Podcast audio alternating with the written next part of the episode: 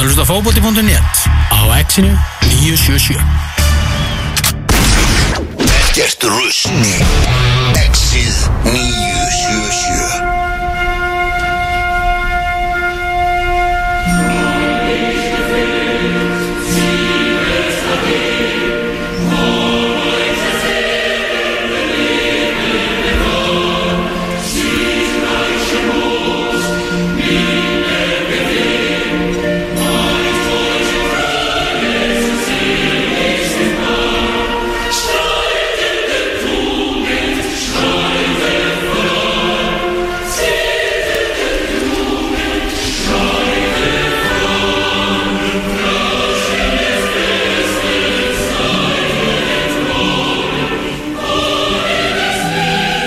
Kæru hlustendur, það er í kvöld sem að uh, Gilvi Þór Sigursson og Alexandra Helga Ívarsdóttir ganga í heilagt hjónaband. Þeir að hlusta út á státtin fókbólti.net á exinu 977, Elvar Geir og Tómas Þór með okkur til klukkan 2 í dag.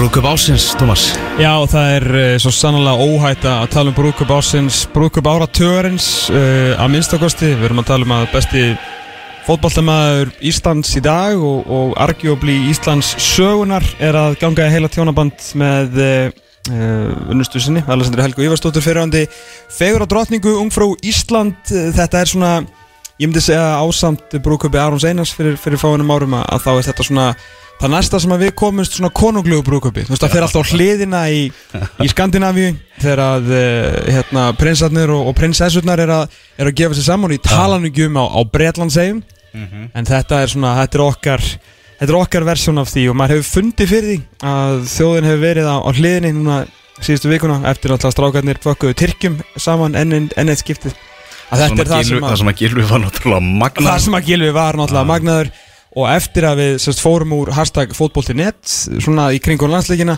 þá tók við Road to Como 19 allir, og það er þú veist ekki, ekki vera að ljúa veist ekki vera að ljúa að ykkur ekki vera að ljúa að okkur. Þið voruð, það voru allir í searchinu á Road to Como 19 fylgjast með hverju var að fara, hverjir eru þeir heppnu sem fá að vera í konunglega brúköpunu á Lago di Como í Italia Nákvæmlega. Og síðan þegar að eh, Road to Como 19 var búið þegar allir voru actually komnir þá þurfti ekki að vera Road to Como 19 þá var búið að sviss yfir í hashtag lexa sig og ekki ljúað ykkur ekki ljúað okkur ekki ljúað ykkur, þú veist, nánustu aðstundum það er allir að fylgjast með. Það er allir að fylgjast með, það er allir að pæla í þessu. Já. Hættið að segja Mér gæti ekki verið með það sama. Bibbibi bibbibi, það er enginn svona leðilur Nei. það er í alveg enginn svona leðilur auðvitað viltu vita hverjir er þarna og síðan uh, náttúrulega stóra stundin uh, var ekki æra, svona stóra stundin hinga til var náttúrulega ekki æri þegar að uh, ég, ég veit ekki hvað það heitir á íslensku. Það var kallað bara fyrirpartís, mér fannst þetta gott orð.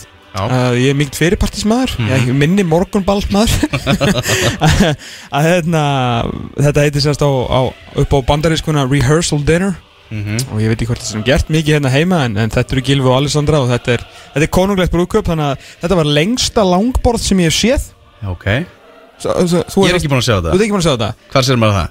Þetta er bara, þetta er alltaf einsta skilur Ah, ok. Instagram er náttúrulega bara fjölmiðil fólksins Já og hérna, þannig að það var fyrirparti í gær og allir mættu í, í svona, já, svona næst besta pússi. Vantarlega verður pússið upp á tíu síðan í kvöld og mm þarna var fólk að gera sér, gera sér glæðan dag. Fyrir ekki Dóri Jón Jónsson var mættur til, til að vestlustýra þessu uh, hafferingar að sálsögðu eins og, eins og Gilvi þannig að hérna og kannski svona stóra stóra teikið núna eða svona það stóra sem gerist í gær er auðvitað myndin af landsliðsmörunum 12 sem að eru þarna stattir fyrir utan þessa glæsi vilju þar sem að fyrirpartíi var og verður held ég heldur brúköpi verður líka í kvöld.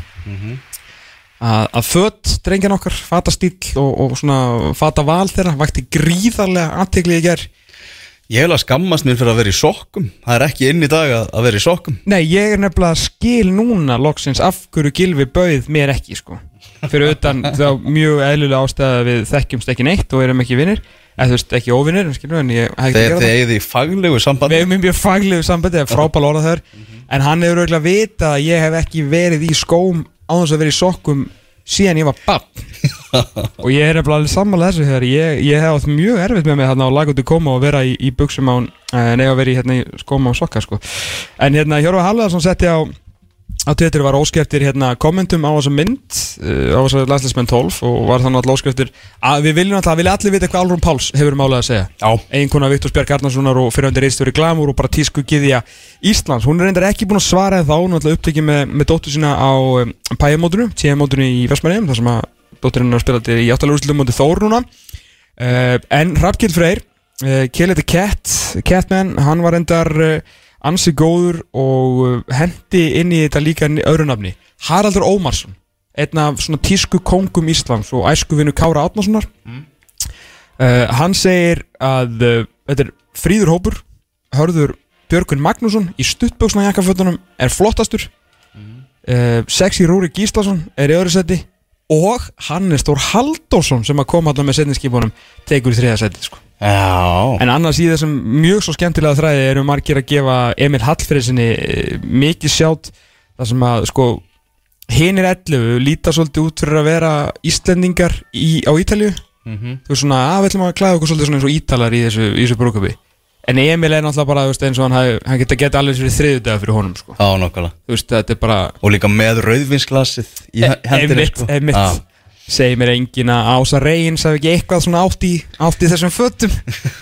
En hérna Þeir eru glæsilegir, glæsilegir. okkar Herðu hérna lið, brúðköpslið Brúðköp 11 Já, Hannes Þór Halldórsson í markinu. Ok. Uh, Theodor Elmar Bjarnarsson í hæri bakverði. Mm. Sverri Ingi Ingarsson og Egger Gunnþór Jónsson í miðvörum uh, Hörður Björgur Magnússon vinstri bakverður Rúri Gíslason á hæri kantinum Jóhann Berg Guðmundsson á vinstri kanti Aron Einar Gunnarsson og Emil Hallfreðsson á miðunni Frammi Gilvi Þóri í hólunni og uh, fremstur Alfreð Finnbóasson Spari klættir eða spari klættir, einum og síðan er Ögmundur Kristinsson svona spilandi þjálfari.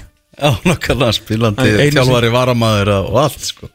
Þannig að, uh, já, Kjári Átnánsson veit ég að hún maður verið bóðið en, en hérna, hann var nú bara eitthvað detta húsinu og svona og náttúrulega þurfti að sjálfsögðu vera viðstættur viksluleikin í Víkinni í gær Mm. en þetta er búið að vera alveg stórbrótið að, að fylgjast með þessu sko. Já, heldur betur. Og hann og svo náttúrulega er uh, hérna, er náttúrulega brúkupið í kvöld og, og hérna, ég er búinn að fá the low down og hver er að skemmta og svona. Ok, hvað er það? Nei, ég má það vera, ég ætla ekki að vera eðir ekki brúkupið sko, ég, ég á í faglegu samskiptum við, við Gylfa. X er næst ekki á Ítalíu. Já, já, menn, uh, þú veist að menn hlusta alveg minn. Ef það er eitthvað sem þú veist alveg Já, þá er það að menn hlusta. Já Getur þú sagt svona, þú veist, í hvaða tónlistarstefnu er verið að leta? Er, er, er, Það er ekkert óvænt, við skulum segja það. Getur við spilað þetta á X-inu? Þú veist, bara brúköpið í betni í kvöld? Já, Já, það myndi alveg sleppa. Að hluta því. Pældi hlustunni. Bara X yfir í betni frá Kóma og Ítalíu í kvöld og útvarpar beint frá, frá aðtöndunni Ef þetta væri beinni útsendingu á rúf Þú veist, ef þetta væri alveg Við myndum lýsa svo yfir sem konunglegu brúkupi Mm. Ég ætla að segja 70% áhorf Er engin fjölmiðlamaður sem bara fór út að paparazza þetta? Nei, ég held, er það ekki það góða við að vera í íslenska landsliðinu og vera á Íslandi að við erum ekki alveg svona lastnir sko? Nei. Svo þarftu voða lítið að paparassa þegar þú ert með hundrað gestir sem að paparassa allt sjálfur sko. Já, og einsta Fólk er alveg tilbúið að láta vita að það sé aðna, sko Já, hví ekki, það er að laga til kóma og þú veist, þú ert með góðum vinum að drekka gott vín að fagna, þú veist, konung, konung hjónum Ísland, sko Þetta er það sem allir að tala um Það er bara hverjir eru í brúðkaupinu og hverjir eru ekki í brúðkaupinu mm Mhm. -hmm. Eru komin eitthvað svona erlend nöfn? Herðu, eina sem ég, sem sagt, uh, það óvæntast að hinga til Ah. uh, skulum orða það þannig að ég er sérfræðingur í þessi brúkupi það er ekkert sem ég veit ekki um þetta brúkup Mm. ekki neitt, þið getið hringt inn og komið spurningar. Ég get svarað þeim fyrir ykkur. 517-0977 Herðu, það sem að uh, hérna, Simon Church fyrirandi samherri í Gilva hjá Redding er mættur á samt konu sinni held ég. Og svo eru þau vina hjón uh, Ledley King og frúar hennar Alessandra Helga og, og Amy King eru gríðarlega mikla vinkunur og þau eru sérst mætt og ef að þið googlið bara Gilvi Sigursson og hérna, Ledley King mm þá finnið þið mynd úr Hello magazine þar sem að frá brúkupsteginu þeirra þar sem að uh, sem sagt, þau eru brúhjónin og Gilvið Þór Sigursson stendur næstur Ledley King þannig að þau eru mikil vinna hjón og svo það allra óvæntasta Já. það allra óvæntasta í þessu og ég, ég er ekki ennþá búin að komast að af hverju þessi ágæta kona þarna er og ég ég, þetta er það sem ég er með þetta er, þetta er stærsta spurningin Mm.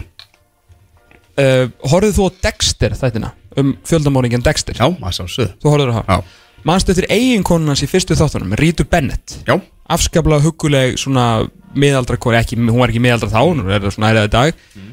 ljósarð bara afskaplega fenguleg Hollywood leikona mm hún heitir Julie Benz þessi ágættu kona. Og er bara Hollywood leikona sem hefur leikið í, í þú veist, CSI og, og, og hérna svo, einni svo mynd og, og bara svona ágætlega þekkt hún er hana já, ok. Og ég hef ekki guðmund um af hverju. En ég sá á, á Instagramur hennar og hún er mikill fótbollt áhamaður og hún var sérst kom úr brókupinu, eða til í brókupið eftir að hafa verið hjá hérna, St. Pauli í Þískalandi þar sem hún var að kynna sér þann merka klubb, þann merka punk klubb og svo er hún mikill stuðnismöður uh, LAFC þannig að hún hefur mikið áhuga á fótbolta sko. Já Og maður hefur nú heyrt að að einn daginn þá muni Gilvi Þór Sigursson spila í bandaríkjunum Jaha, Já, það, er, jafnvel fyrir LAFC það getur verið, menn fullir að það. Það sé eiginlega bara, já, öll vött sem renna til bandaríkjana hjá, hjá Gilva Já. Þegar hann svona er að fara að ljúka sínum ferli. Það er deild sem að mun henda svona eldri gilva upp á 10,5 Mákvæðlega en það er náttúrulega ekki fyrir hann svona 38-9 Já, já. Þegar það kannski fyrir aðeins að hægast á honum rétt út í færtut Það sem þú ert nú helsti sérfræðingu þjóðar um þetta brúkup Já. Það er nú kannski að, að, að lauma því að svona sá fróðleiksmóli Það er ekki allir sem vita það. Þú varst nú á sínu tíma fræga fólks uh, slúður bladamæður Það var eitt af því sem, að, sem að var þitt hlutverk Herru já, það er bara þannig að ég, hérna, ég hóf störf sem íþjóttafréttamæður og díða fyrir 2008 og sérst fyrsta sinn sem ég fór að fá borga fyrir, fyrir blaðamennsku eftir að sérst hef ég minn formlegu störf á fótbolti.net á árið 2005 Mhm. uh, og hérna, eða 2006 fyrir ekki þá hérna uh, það fór fljótt í skrúana hjá okkur krökkunum og díða svona peningamáli Mm. þannig að íþjóttadeildin var eiginlega bara leist upp fyrir utan mig og uh, ég endaði með því að svona þurfa að múna sérst vera bæði íþjóttafréttamaður og semst lífsblaðamaður Ah. og ákvað bara taka það með trukki og dífu og gerast sá besti í þeim bransa og hérna og tók bara yfir bleiku síðunar á Íslandi í svona tvö ára eða svo. Þar sem að fréttir eins og uh, homar taka myndir myndir uh, stuttar buksur stittri hundur og, og svona fleiri, fleiri góðar Herri, ég er að fá hérna þættinum búið spyrja Hannes Þór Halldórsson, Rúri Gíslason Aron Einar Gunnarsson, Ögmundur Kristinsson Emil Hallfreðsson, óvænt Hörður Björgur Magnússon og Jóhann Berg Guðmundsson allir frá fötum e, frá Sútöp Reykjavík. E, Búm. þeir eru í Sútöp Reykjavík báða dagana, Gilvi Þór Sigursson bara í gær. Hvað, já. Þannig að Gilvi, já, hann hlýtur að vera í Armani í kvöld. Fjandinn hafið það. Armani Gilvi í kvöld. Hlýtur að, hlýtur að gifta sig á Ítali og hlýtur að vera í Armani sko. Já, en ég, hérna, mér fannst nefnilega Rúrik og Gilvi óþægilega líkir í gær Já. Verða við ekki það sko. En þessi sútöpfötur, þetta er, er ansi góðu skítur, það verður að segja sko. Já, þetta verður uh, mikil spenna og það verða allir fyrir framann Instagram í kvöld. Já, sem íslenska fólksins Fjölmiðil fólksins, það er alveg klart mál.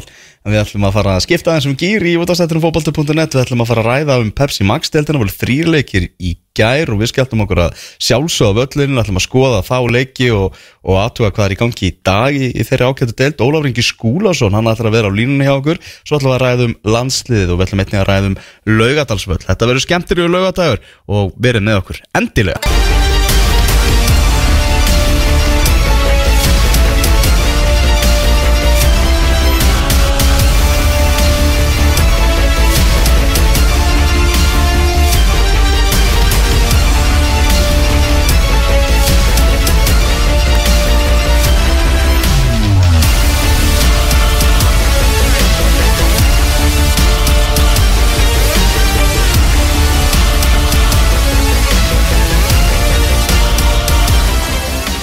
Pepsi Max deildin. Hún er næst til umræðu hér á X977 Þetta er þekkið Við, maður minn, maður lifandi sko. Ó, Það verður bara betra og betra og betra. Eina lagið í heiminum sem er betra heldur en uh, Európu, nei, League lagið. Því lík Því lík lukka og skemmtun sem þjóðadeldin var. Nákvæmlega óskum Portugal til hamingjum með að það var tekið sigur þar. Heldur betur og það er vist að vera að stækka hana þannig að við höldum okkur í A-delt Já, sem þýðir að Heimir Hallgrímsson kemur aftur. Nei, ég er tjók En þetta stef, þetta stef þýðir hans Maxari og Maxari fór á stað í gær eftir eh, langvarandi hlið þökk sé landslistrákunum okkar. Þeir náðu 6 stig og á að komið að fótballtaliðunum í Pepsi Max-dildin að reyna að ná í eins og þrjú stig. Mhm. Hvað er alltaf byrja? Ég ætla að byrja aðeins að eh, skoða þessar leiki sem eru í dag. Það er Já, við erum að tala um það að eh, Ía er að fara að keppa á móti KR og eins og Daniel Rúnarsson sagði á Twitter þá er eins og sé bara komið 1999 aftur. Það er bara krían og, Jakr já, og liðið sem vinnur verður á topnum Já, það er, það er, það er verið að jamma eins og árið sér 99 Það er reyndar alveg hárið Algjörlega, það- ef er þetta með jafntefli þá verður Ía á topnum eftir þessa umferð. En ef að KR vinnur þá verða það KR-ingar sem að sitja á topnum Engi Björgvin Stefánsson, það vita það allir hann fekk fimmleikja bann. Áfríunarnefndin, bara rósa á hana hún er fljót að vinna, hún kom bara saman setti saman skeiti og saði takk fyrir áfríuna en nei það var það sem að svari var. Góð tilrunjón Já, og segir hérna í, í dómnum að það segir basically að Björgvin Stefánsson sé samningsbundi KR, sé leikmaður KR hvort sem hann líki betur eða verð og því takja hann út, út sína refsingu hjá KR Já, aðeins samanlega, það er hérna bara hvað þeir voru fljótir að afgreða þetta og þetta er verið að, sko, verið að tegja þetta í einhverja tvær vikur líka Ef að það hefði gerst, hefði Björgun Stefánsson þetta mátt spila á meðan þetta væri í gangi því að þá var náttúrulega dómurinn ekki, í raun og verið ekki fallinn fyrir að áfjörunnemndinu var búin að staðfesta úrskurða og úrskurðunemndar Þannig að þetta var algjört möst að koma þessu bara strax mm -hmm. uh, út í kosmosið fyrir þennan leik þannig að kjáringar vissu svona að hverju var að ganga og vissu það náttúrulega bara í fyrra dag að Björgun Stefánsson gæti ekki spilað í agruna á uh, Florida skaganum í kvöld. Mm, hann í dag. Já, í dag, leikunum voru klukkan fjögur verður náttúrulega einhver brjáluð mæting á leik. Að verður beilumætingandi í, em, sko, Akarnasvöllur er bara eitt besti svona sólarvöllur landsins. Getur verið þarna í brekkunni og, og þú nærði í tann og, og það verður gaman. Og þú ert að fara að horfa á flottan fótballtaleik, það er alveg morgunljus Er, uh, er mjöður fyrir fólkið á skaganum? Ég veit ekki til þess. Nei. Hvort að, að públikunum fái púp Nei, þessi ekki públikur, það er meira svona ég sliðis. það getur Ég verið. veit að ég held að sé alveg pottið þarna uppi sko, en, en það verður nú gaman svona, þú veist að því að verður, verður glæsilegt veður, að verður gott að liggja í brekkunni eða, eða að vera aðeins til hliðar með eitt púp svona, ef einhverjir skaga með eru að hlusta þá er ég og Boaz á leiðinni. Já, já, ég var á leiknisvelli. Uh, Valur IBVF uh, er á sama tíma og það er náttúrulega aðal umræða efnið uh, í aðrænda leiksins hefur verið Hannes Þór Haldursson sem er meittur uh, það er gefið út og hann sem meittur er að glíma við einhver meðsli uh, hversu alvarleg þau eru, veit maður ekki uh, talaði maður sér tæpur fyrir leikamóti K.R. í næstu viku. Mhm. en hann er allavega mættur til Ítalíu og uh, mættur í, í brúköpi þannig að Anton Ari Einarsson þriðji flottastur að mati Harald Rómarssonar Já, þriði flottasti í brúköpunni Anton Ari Einarsson sem er bara besti varamarkmaða deildarinnar.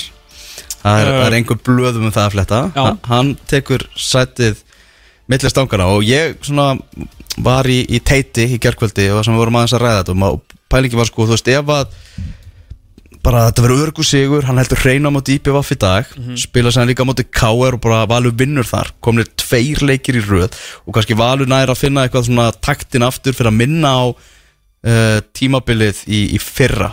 Svona ef og hefði pæling Mhm.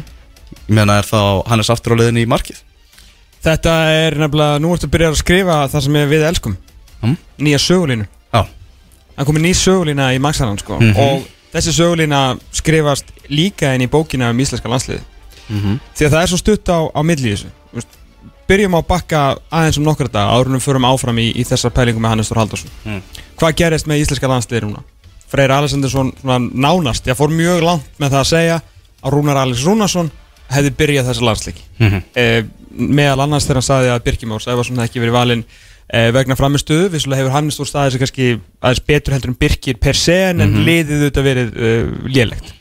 Þannig að svona voru allir flestir á því að Rúnar Alice Rúnarsson myndi, myndi byrja þessa leiki. Og þarna kæmi skiptingin. Við tölum um, að Rúnar hafi bara staðið sig þá hefur verið engin ástæða til þess að Hannes hefði komið aftur inn í liðið í, í ágúst nema, eitthvað hefði gerst. Að Hannes, skilur, bara svona ef hann hefði bara staðið sig í ágúst er hann bara rétt komin á stað og hann hefur spilað þá í, í, í áfram í, í líka og hann hefði bara haldið sætið sinni að þú veist, sem meðist Rúnar í mikilvægasta leik félagslega tífambilsinsins missir mm auðvitað af þeim leik og missir þar að leiðandi af þessu tækifæri til að taka stöðuna af Hannesi sem hann er búin að vera að býða núna nokkuð lengi eftir en Hannes hefur ekki hleyft þeim að sér. Mm. síðan spila Hannes Þór Halldórsson 180 mínútur upp á 10 Mhm. Frábæð framist að frábæð framist undir einhverju mestu pressu sem að hann hefur verið á ferlinum uh, við vinnum báðaleikina, vinnum Tyrkland úst, all skilur við hamren einhvern veginn allt er tekinni sátt hjá þjóðinni uh, og það er engin spurningu það, það er, þú veist það er ekki svona velta sko vöngum, það er ekki svona pælið í hvort að Hannes Þór Haldursson byrji leikina síðan í, í ágúst. Mm -hmm. í næstu landsleiki landslis bara af því að eh, sem alltaf verður að tala um það er bara að vera að halda í henn kjarna og meðan kjarni er að skila því sem hann er að skila og skila sigurum og reyna að koma okkur í nöðum þá verður hann bara þarna. Og Hannes hérna, ennu aftur síndi að hann er bara meira nógu góður til að standa í þessu marki í þessu landslið, var frábær, bara virkilega flott mm -hmm. en þá fyrir við inn í Pepsi Max deildina Alltaf þú veist, uh, hann var náttúrulega ekki að spila þegar hann var í, í Baku uh, nei hérna í Karabakk fyrir ekki var hann ekki að spila þar mm. en hann var samt sagt, vald, valin í liðið að hann tók þess að marsleiki svona að því að það var búið að hann var búin að láta vita, hann væri að fara í val, hann væri að fara að spila og menn treysta Hannes Stór Haldursson í frekar heldur en. En hvað gerist nú úst, að því að það er svo stutt á milli sjáum hvað var, hann munaði hárspreitt að Rúna Alice Rúnarsson væri orðin landsleismarkur í Íslands nr. 1 mm -hmm. þá bara meðsli sem að komi veg fyrir það okay. Valur á botninum í deiltinni ef að Hannes Þór Haldursson missi núna næstu tveimuleikjum vals þeir pakka kannski íbjöða saman 4-0 í kvöld Já, fara, spila mútið K.R. Reykjavíkur slaga mútið Erkifjöndunum taka hann kannski 2-0, komast í taktinu eins og varst að segja, með Antoni Markinum hann heldur tveir svona um hreinu kannski svona aðeins svona spili út á vördunni verður kannski eitthvað aðeins betra því að þú veist, þó að ég sé náttúrulega algjör algjör svona uh, pjúristi í því að markur eiga verja fókbóltaskotin, frekar heldur hann að vera einhverjir sko dúlarar með löpunum, þó að þau þetta sé nútíma fókbólti þannig, þá snýst þetta um að verja sko. Vinnu heitið er markvörður Markvörður, ekki marksparkari sko. En einhvað síður, eins og þú segir, ef þeir koma svona betur í taktin og vinna þess að tvo leiki kannski 5-6-0 samtals, mm. þá má hann eins að fara aftur í markið mm -hmm. Skilur, það, það er stóra spurningin í þessu og ef hann endar á þessum varamæður vals þá er Erik Hamren aftur komin í þessa pælingu í ágúst á ég að nota varamarkur vals í markvið Já. eða aðalmarkur markvararins, á aðalmarkurinn að vera gæðin sem að spilar á hæsta lefinu á öllum markurum í sögu Íslands Þetta er svo sannarlega réttmætt pæling og það verður fróðulegt að sjá hvernig Antoni Aramun vegna á valsliðinu í þessum komandi leikum sem, að, sem Hannes verður ekki í. Þannig að þeir sem að halda að Hannes Þór Halldórsson sé eitthvað að bú eitthvað til eða, eða íki eitthvað meðsli eða sé með eitthvað klásúl í samningi eitthvað til að komast í eitthvað brúðkaup þú veist, hjá gæja, þú veist, þetta er ekki eitthvað eskuvinnir hans, auðvitað er þetta gæja sem er búin að vera ógeðslega mikið með og upplifa ótrúlega stundir Gilvið Þór Sigursson, sko. Já, já. en þetta er ekki eins og þeir hafi verið, sko, geta sand saman á leikskóla. Þannig ef að menn halda virkilega, þú veist, að Hannes Þór Halldórsson sem að þráir ekkit meira heldur en að standa vaktina í markinu í Íslenska landsliðinu á EM Allstar 2020 Snúa aftur til Baku snúa aftur til Baku til Azerbaijan, sinni uppbóðslands til þess að, þú veist, og, og hann hætti á það að missa sæti sitt Já. í landsliðinu til að fara í eitthvað brúðköp við eitthvað vatn. Þú veist, come on sko. Mhm. come on. Veist, þetta er allt og það er allt og mikið undir þó að þetta sé konungleitt brúðköp Algjörlega Já, já, við þekkjum Hannes Við, við þekkjum Hannes. Uh, Þjóðin þekki bara hann sko. Já, þjóðin þekkir Hannes, hann er búin að vera duglegur að opna sig og gefa af sér, þannig að þjóðin veit nákvæmlega hvað mann Hannes Þór Haldursson hefur að gema. Uh, Káa 0, Grindavík 0 Þetta er spámið fyrir daginn. Já, ég var bara, ha? Já. Leikurinn er ekki byrjað Nei, nei. Þetta var Þetta er bara spámið fyrir leikin ákvörði Ég ætla að spá bara öllum Grindavíkuleikjum 0-0 Nei, þetta verður þetta verður stál í stál, þessi leikur. Já. Sérstaklega svona skemmtir með sögulínutnar Já, að Túfa var náttúrulega að þjálfa Káa í fyrra Óli Stefán var að þjálfa Grindavík. Já, og Káa náttúrulega þjálfaði marga af þessum leikmennum bara í yngri flokkum og var svona bara stóð og stitta í fótboltanum hjá, uh, hjá knastbundufélagi Akureyrar um rúmlega áratuga skeið bæði sem leikmaður, aðstofþjálfari, aðalþjálfari, yngri flokkaþjálfari og svo bara svona, ætlum að fara nýjar leiðir og þetta er ekki orðin og gott og sparka honum, taka þjálfarnar frá Grindavík og svo er komið að, að þessum leik sko. það verður, ég er alveg sammálaður, ég held að það verður ekki flugeldasýningar þarna sko. Þetta verður skák, það er það sem ég er að segja. Já, Þetta verður svona dutt, dutt menn verða að skáka og máta hvort annan og eitthvað. Seres fjórir, Seres fjórir. Það er algjörlega þannig. En verður vantilega vel mætt á Akureyrarvöll eins og, eins og venjan hefur verið? Já, rosalega hefur fólk er líka, eh, hvernig er veðrið fyrir norðan? Ég, ég var að lasa Sko maður hefur ekkert heyrt frá því þannig að það er Já, öruglega það er örgulega vond Herri, hérna að því að vita náttúrulega allir að þú veist, Reykjavík er Ísland og Ísland er Reykjavík það er allavega þú veist í fréttum að það er svona meira bara svona fréttir á höfuborgarsvæðinu og, og veðrið á höfuborgarsvæðinu eins og í fyrra, mannstu, það var bara versta veður sögunar á Íslandi Hmm. en það var samt bara vond í Reykjavík sko. það var 20 stegi hitt í þrjá mánuði streitt á Östurlandi en það var öllum sama sko. Það var allir saman. Skilur, það var bara vonduður á, á Íslandi. Sko, þetta ég veit að Akureyringar taka veðri mjög nærri sér. Það er frábært viður Akureyri. Já, ok. Það er bongo blíða á, á Því ég Akureyri var að horfa á veðurfréttir í gær. Ég fyrir ekki, ég var ekki, þú veist, ég, þar voru í sjónvarpinu og ég hækkaði.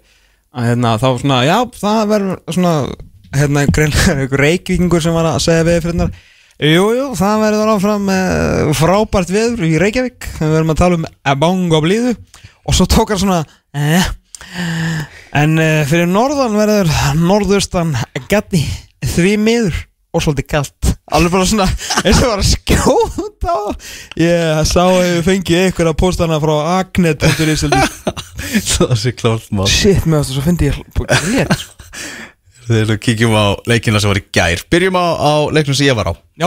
Förum á, á Vúrð völlin í Árbænum. Já, leikur sem ég spáði fjögur þrjú fyrir, fyrir Já, einmitt. Spáðu því bara blikar með þetta fá þessi fjögumörk Já, bara, eins og ekkert læri eðlilegra.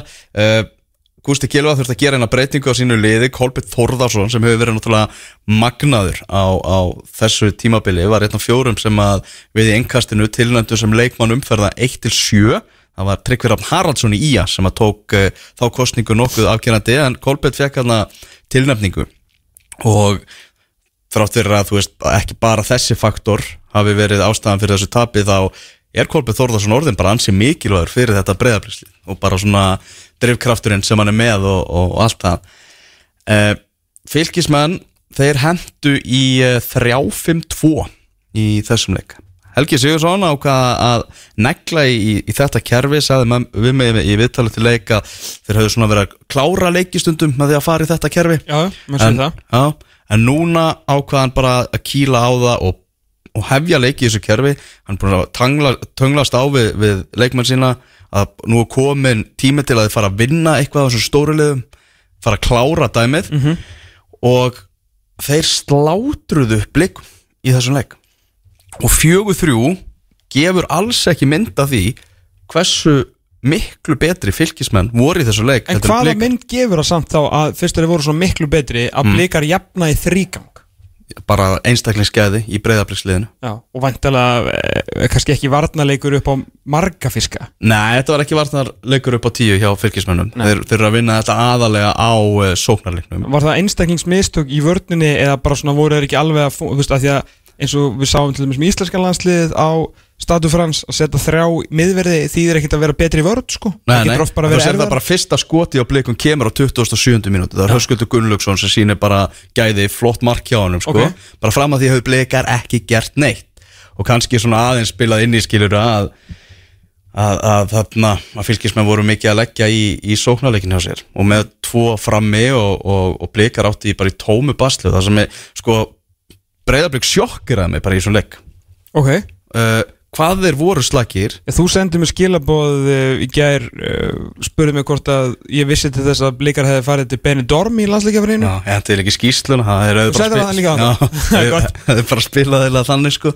Þess að það var, það var eins og var bara samstilt átak hjá þeim að vera slækir sko. Ok, það var bara, stóð ekki steinni við steini í, í varnarleiknum sem er bara ótrúlega ólitt breyðabliki og þeir voru ekki að tengja saman sendingar, það var pyrringur í, í liðinu og, og, og það voru bara hreinlega allir slakir í svona leik. Var, þá, var þetta Castelljón Hákon Ingi dú á frammi að, að svim virka Já, algjörlega svínvirkja, ver- svínvirkja. En besti maður vallarins á nokkuð svafa er var Valdimar Þór Ingimundarsson Já, 99 mótil 99 mótel og ég talaði við, eh, við mann sem að, sem að þekkir vel til hans. Já, og hann sagði bara, just, ég er bara á því að þetta sé vannmettnasti leikmaður í þessari deilt já, hann einhvern veginn færilega aldrei umtalið. Ég er búin að hérna, ég sá hann uh, uh, síðan núna upp á, upp á síðkastið bara ótrúlega hrifin að þessum gæja. Hann var frábær í þessu leik með tvö mörg og, og stóðsendingu.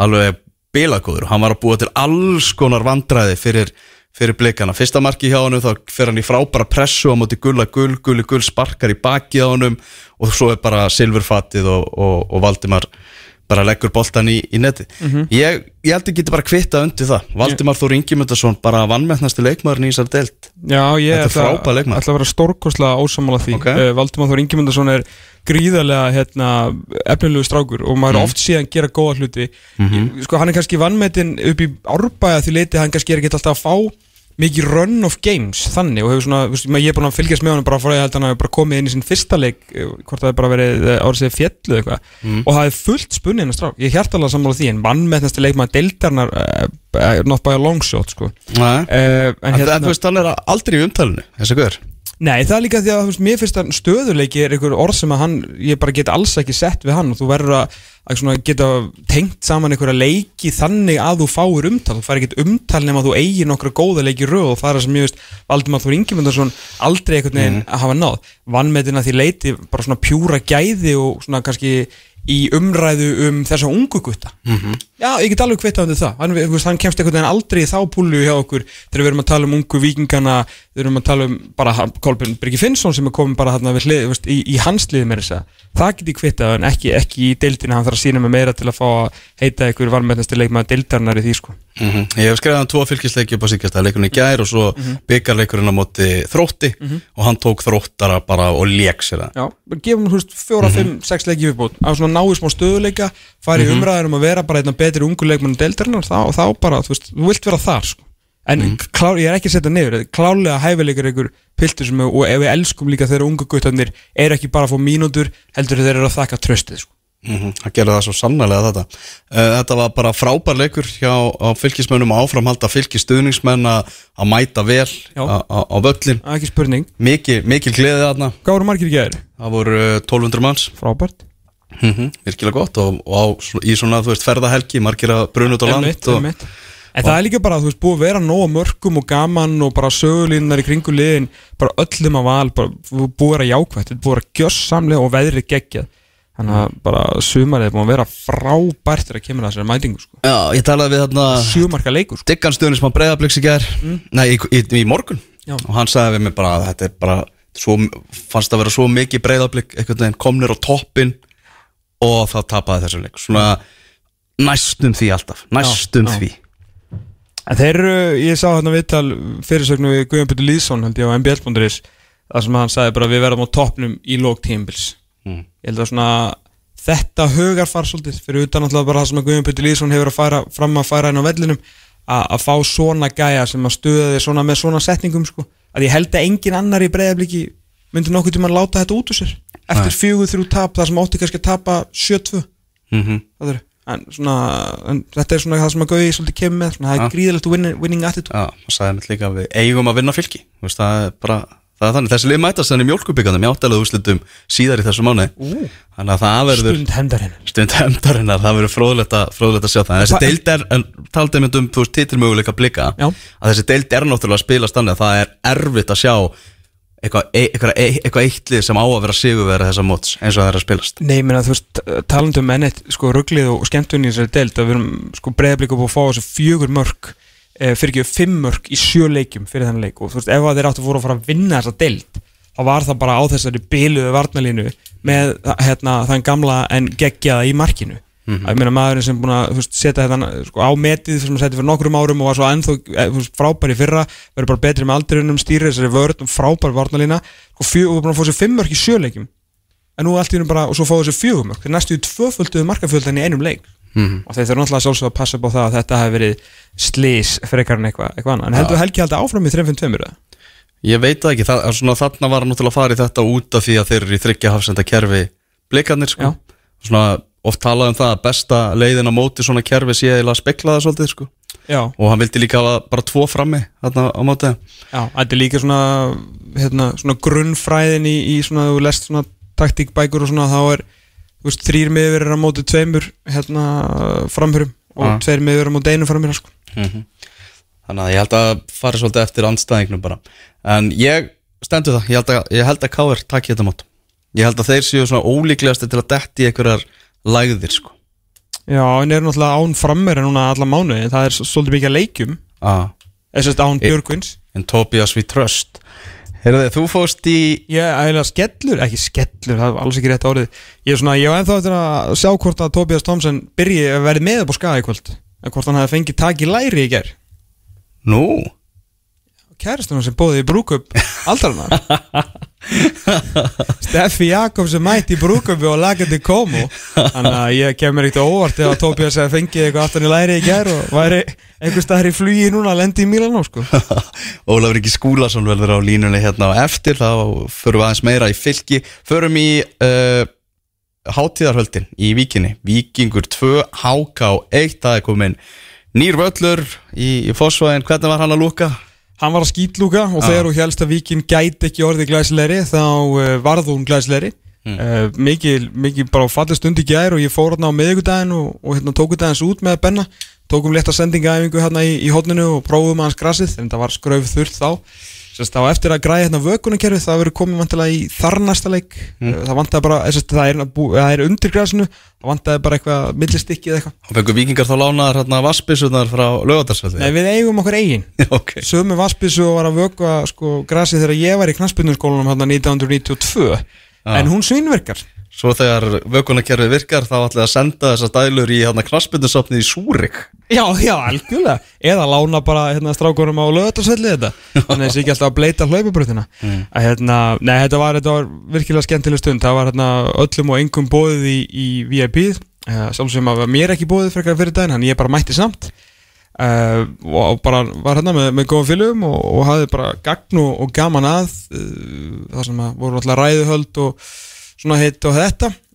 Og búið að henda upp öllum skiltum en þetta var alveg að skýtlúka völlurinn var rennbleittu fyrir leik og, og það, þetta voru bara svona og að sjálfsögðu eins og alltaf í víkinni uh, náttúrulega Kristi rétt félag uh, náttúrulega í beinni tengingu við JC í gegnum Sera Pálma Mattíasson sem að vígði og blessaði völlin það hefur ekki verið tekin skóplustunga í víkinni þannig að Sera Pálma Mattíasson hafi, hafi blessað þetta.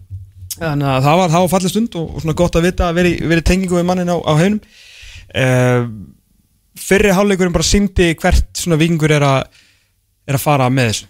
Því að ég talaði mitt við eh, góða mann hann á fyrirhandi, stjórnumann og hann sagði bara kom með ágætis pælinga á þessu sagði bara að þetta er meira tempo í einum hálfleik en ég hef séð bara í sögu vikingslýsins á þessum velli og uh, auðvitað þrjú mörk í fyrirhálegnum og við náttúrulega skoruðum tvö og áttum að skora þrjú sem er svona líka tölverð fleiri heldur en við eigum að, eigum að vennast þannig að fótboltin var, uh, var góður völlurinn var, var glæsilegur og, og frábæð mæting líka. Tölverð meiri mæting heldur en að uh, svona stjórnamenn regnaði með það sem að allir matur og búin í hálfleik. Já, ok. Fólk mætti svangt á völlin Já, mjög, mjög samt á völlin sko. En já, fyrir álíkurinn var, var flottur. Uh, Ég hef viljað sjá Ágúst Eðvald Lindsson þarna, hann var, var ekki með því mjög sem var, var mikil synd þar sem hann hefði notið sín virkilega í þessu leik sérstaklega þegar vikingarnir voru, að- voru að breyka. Uh, mörkin voru, voru falleg fyrramarkið, uh, fyrst, unnin bolti í hápressu, sendi ekki gegn og allir hafn klára vel. Annar markið náttúrulega bara eitt af mörkum sumarsins. Bara öskrari frá Ellingi Agnarsinni sem að var svona, var svona besti sóknamaði vikings í gær.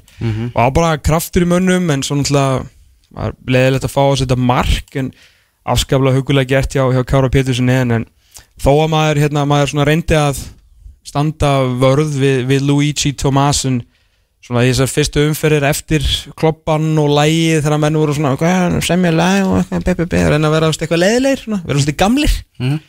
Að uh, þá verður að segjast að, að þessi, þessi mætipiltur þarf að eins að fara að koma til jarðar og verjast þetta er ekki, þú lætur ekki klopp þú lætur ekki fyrst ekki þetta skrúa boltan út fyrir þig. Þegar allir og ömmu þeirra í stúkunni sáu hvað hæri bakurinn Birki Val Jónsson var að fara að gera stendur svo á langt frá manninum og lætur kloppa þig þannig að það leiðir að skoti í stöngina og marki. Logi að láta kloppa sig. Já, enda tekin út af í hálfleik. Ah. Hann að nú skulum við koma nýra á jörðina. Koma niður á gerfugrasið koma niður á gerfigrasið því að þetta er, hann er frábæri fótboltassi strákur, þetta er gríðalegt efni. Þetta er hérna, skemmtilegt hérna, bara skemmtileg fýr en þurfum aðeins að fara að verjast. Setni hálfleikurinn eh, ekki góður á vikingurum hákáðinu voru bara nokkuð flottir en þeir náttúrulega geta ekki skorað fótboltamork til að bjarga lífi sínu Nei. sem að síðan bjargaði lífi vikinga því að þeir áttu voru ekkit, ekkit svona að uh, leggja hennan leik í rúmið undir lok fyrirhálsins þegar hann klúraði það sem ég held að veri mesta klúður uh, tímumbilsins, allavega gerkvöldsins en Jónatan Ingi Jónsson ákvað bara að rétt honum bjórin sinn til að halda á eftir ævintýrlegt klúður hans á móti stjórnir Mhm. en uh, Hvað var staðan það Jónatan klúraði? uh, ég maður ekki. Ok. Uh, ég var að horfa á þetta í gæri bara glunda ekki því þannig að hérna, vingarnir kláruðu þetta. Francisco Marmaleo byrjaði fyrir Þórð Ingarsson sem var meittur, hann fór niður á 850 mínútu og aftur á 809 mínútu. Og virkaði dáin en reysu frá döðum að, að vanda. Egil Arnar Sigurþórsson uh, var, hann reyndi hvað hann gat. Svona allavega þegar ég kom svona í stuðnismannahaminn þá ætlaði ég að drepa hann. Var það að reyna að flauta ykkur úr leik? Já, mér fannst það. Þetta er mjög ósangjent sko. Hann bætti við 5 mínútum sem að var sangjent þar sem að Marmoleo var hann að láta svo fíbl En svo bætti hann 3 mínútum ofan á 5 mínútunar og var að dæma alls konar fyndnar aukaspinnur þannig að hágangundir gáttu svona komið boltanum inn í tegin En þegar sko, ég var sammála Arnarið það var svona ákveðið slen yfir strákunum í setniháleik Já. Þegar ég sá hann að vitalan á, á fótboltum.net og ég skila hann að vera ósáttur Mm. En það sem ég ætla að gefa vingunum í gær var að það var dundur, metnaður og hugafar fyrir því að klára þennan leik með Og líka þetta er háká á heimavelli. Ef þú ætlar ekki að vinna háká á heimavelli þá veit ég ekki hvað þú ætlar að ná í stíi Já, líka bara það er búið- Þetta var bara skildu sig fyrir vikinga Þetta var algjör skildu sigur, þeir þurftu að vinna þetta af því annars var bara á sko beinnilega niður og ekki fengið þrjústið þarna til að ná aðeins að koma sér upp úr fatseti í, í smástund líka bara það, þú veist, það er búið smekkvill af öllin, þú veist, það er hátíðarhöld og bara síni fólkinu þá virðingu að leggja allt í sölunar til þess að vinna hennar fótbollleik. Sölviki Rótisinn átti rugglaða tæklingu sem að bjargaði marki í uppbóta tíma veist, hann var búin að þurfa að taka nokkur óþara spretti og, og hérna galvi maðurinn jafnaldri minn var hérna var nokkuð búinn á því undir restina. Samt sem að er fleiðanstir í, í sko einhverja flottustu tæklingu tíumbilsins inn í, inn í teig, Haldur Smári, góður, Dofri kom inn í setni hálfleik og, og svona komið meiri festu í þetta. Þannig að það var á mikið hungur og hugafar, flott hugafar hjá vingunum í að ná í sem fyrstu þrjústi í ger Mhm. en ég, ég hef ágjur af þessu hákuli það er það er náttúrulega að geða, geð, sko, Emil Allarsson var ekki hann var ekki nála því að komast inn í teig sko, hvað þá skora? Mhm. Það- ég veit ekki hver ætlar að skora mörkin fyrir þetta lið sko.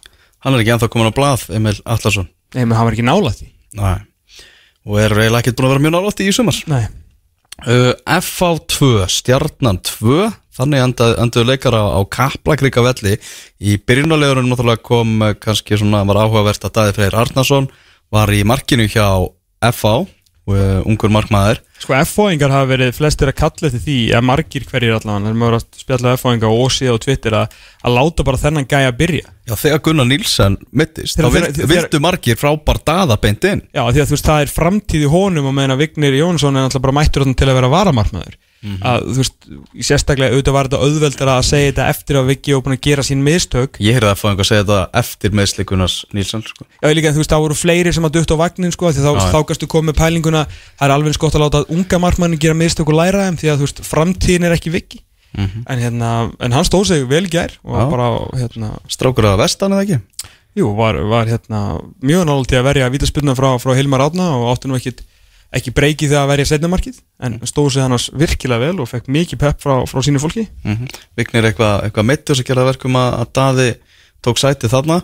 Uh, Í byrjanlegu stjórnunar þá var Hilmar Átni Halldórsson mættur í hóluna Nú, Það eru tíðindir sko. Ok, var einhver að tala um það um daginn? Það er allir að hlusta. Það er, já, verið störa Já, Hilmar Átni mættur í hóluna og hann Og skoraði eitt mark svona komandi út djúpinu Já, og annað á víti og kom stjórnur í 2-0 í þessum leik Svo kom sjálfsmark af Guðmundur Steini Hafsteinsinni Hvernig var það mark? Það var rosalega klöfulegt hann, Já. hérna, hann stendur svona, hann er boltinn fer yfir fyrsta mann hann stendur svona á nærstung eiginlega samtalið góðum fjórum metrum frá markinu og veit ekki hvað hann eiginlega alveg ætlaði að gera og næri einhvern veginn bara svona stanga boltan inn sko. það var mjög, mjög klöfulegt Mm. Og svo bara strax á eftir Þá kemur Stephen Lennon og skorar Og hvað bara uppskriftin svipuðu það ekki? Já, boltinn þá aðeins nær inn á marktegin uh, Halli hopp er í mjög skrítið útlaup, skástrík hopp hoppar einhvern veginn á samherja var brjálaður, vildi fá aukaspinnu og Stífi Lennon átti nú ekki miklu mandræði með að íta boltanum yfir hérna yfir línuna. Og kannski við auðvitað náttúrulega heyrðum þess að sögum daginn sem, að, sem enginn hefur staðfest með, það, með þetta að stjarnan hefur verið að tjekka á Anton Ara dæminu. Úst, sem að leiti að þessu dæmi með að Valur kannski, þá átti þá að hafa sagt breyðablíki að breyðablík væri búið að sæna okkar þannig Mhm. en meina, ég er mikill Haraldar Björnsson maður, mér finnst hann góð markmur og svona stundu fengi svona ósangjana gaggrinni að því leiti að ég get alveg gefið markmurnum svona eitt-tvö mistöku ári því hann alltaf er mikill svípekýper og er út um allt og veist, hann hendar stjórninu mjög vel að því leitinu. En gerir kannski eitt-tvo blöndir á tímbili og, og hérna, en einhvað eru byggamestarar og hann varði vítið þar og þú veist, vel, gekk vel í fyrra og hefur flottið síðan að koma heim. En hann er í, í búin að vera bara slakur. Þú veist, það er ekki, hann er búin að gefa mark nánast í hverjum leik sko. Hann er ekki nægilega góðu líkamlegu standi. Það er bara alveg morgunljóst. Og hann ber náttúrulega mikla ábyrð á því sjálfur En þjálfarateimir hlýtur líka bera ábyrð á því Já, ég bara, ég veit ekki, menna kannski er hann í ég, svo sem ekki séð einhverjar fitness-tölur hjá honum. Ég, Ég þekki gott fólk tengt stjórnunni og Já, það er bara, þetta er það sem allir að tala um í Garðabænum. Ok. Það sé alls ekki nægilega góðu standi. Ok, ég meina það, það meikar alveg sens að ég hef aldrei síðan svona, gera svona mikið af fáranlegu mistökum sko. Já, þetta er ekki, ekki alveg, alveg nægilega gott og, og háverða sögur um það að þeir séu með Anton Ara á, á sínu blæði En þetta endaði með einu stí á haus og hvað gerir þetta stig fyrir liðin, Dómas? Uh, það þetta gerði nú ekki, ekki mikið sko, ég hérna má ekki svo sem gleyma að Þetta hleyfti fylgismönnum náttúrulega upp fyrir þessi lið Já, en það náttúrulega er önnur, veist, annað í þessu er spurningum eins og vítaspinnu sem að stjarnan átt að fá á í uppbútu tíma á 90. mínútu. Já, Boltinn fer náttúrulega svo mikið í höndina á Petri Viðarsinni, hann viðurkenna það fúslega eftir leik, segir bara boltinn fór beint í höndina á mér, en ég kann ekki reglunar. var þetta viti? Ég kann ekki reglunar, ég, veist, ég kann ekki þessar nýju reglur, ég veit ég er með fótbolta þátt og ger ekkert annað en að tala um fótbolta, en samt kann ég ekki þessar reglur. Þú veist, hann er með hendurnar upp við líkama klart mál, en hann fær hann samt ekki skilur í upphandlegsvöðvan, hann hætti að segja bara já ok, þetta er eins og að fá hann í bringuna. Hann fær hann hans bara í lóan og hindrar boltan klárlega á leiðinni að markinu en Ívar Óri átti að hafa sagt við og hann, sérst, hann hefði verið í eðlir líka stöðu og veist, hann getur ekkert gert í þessu og boltin kemur á stöttu færi.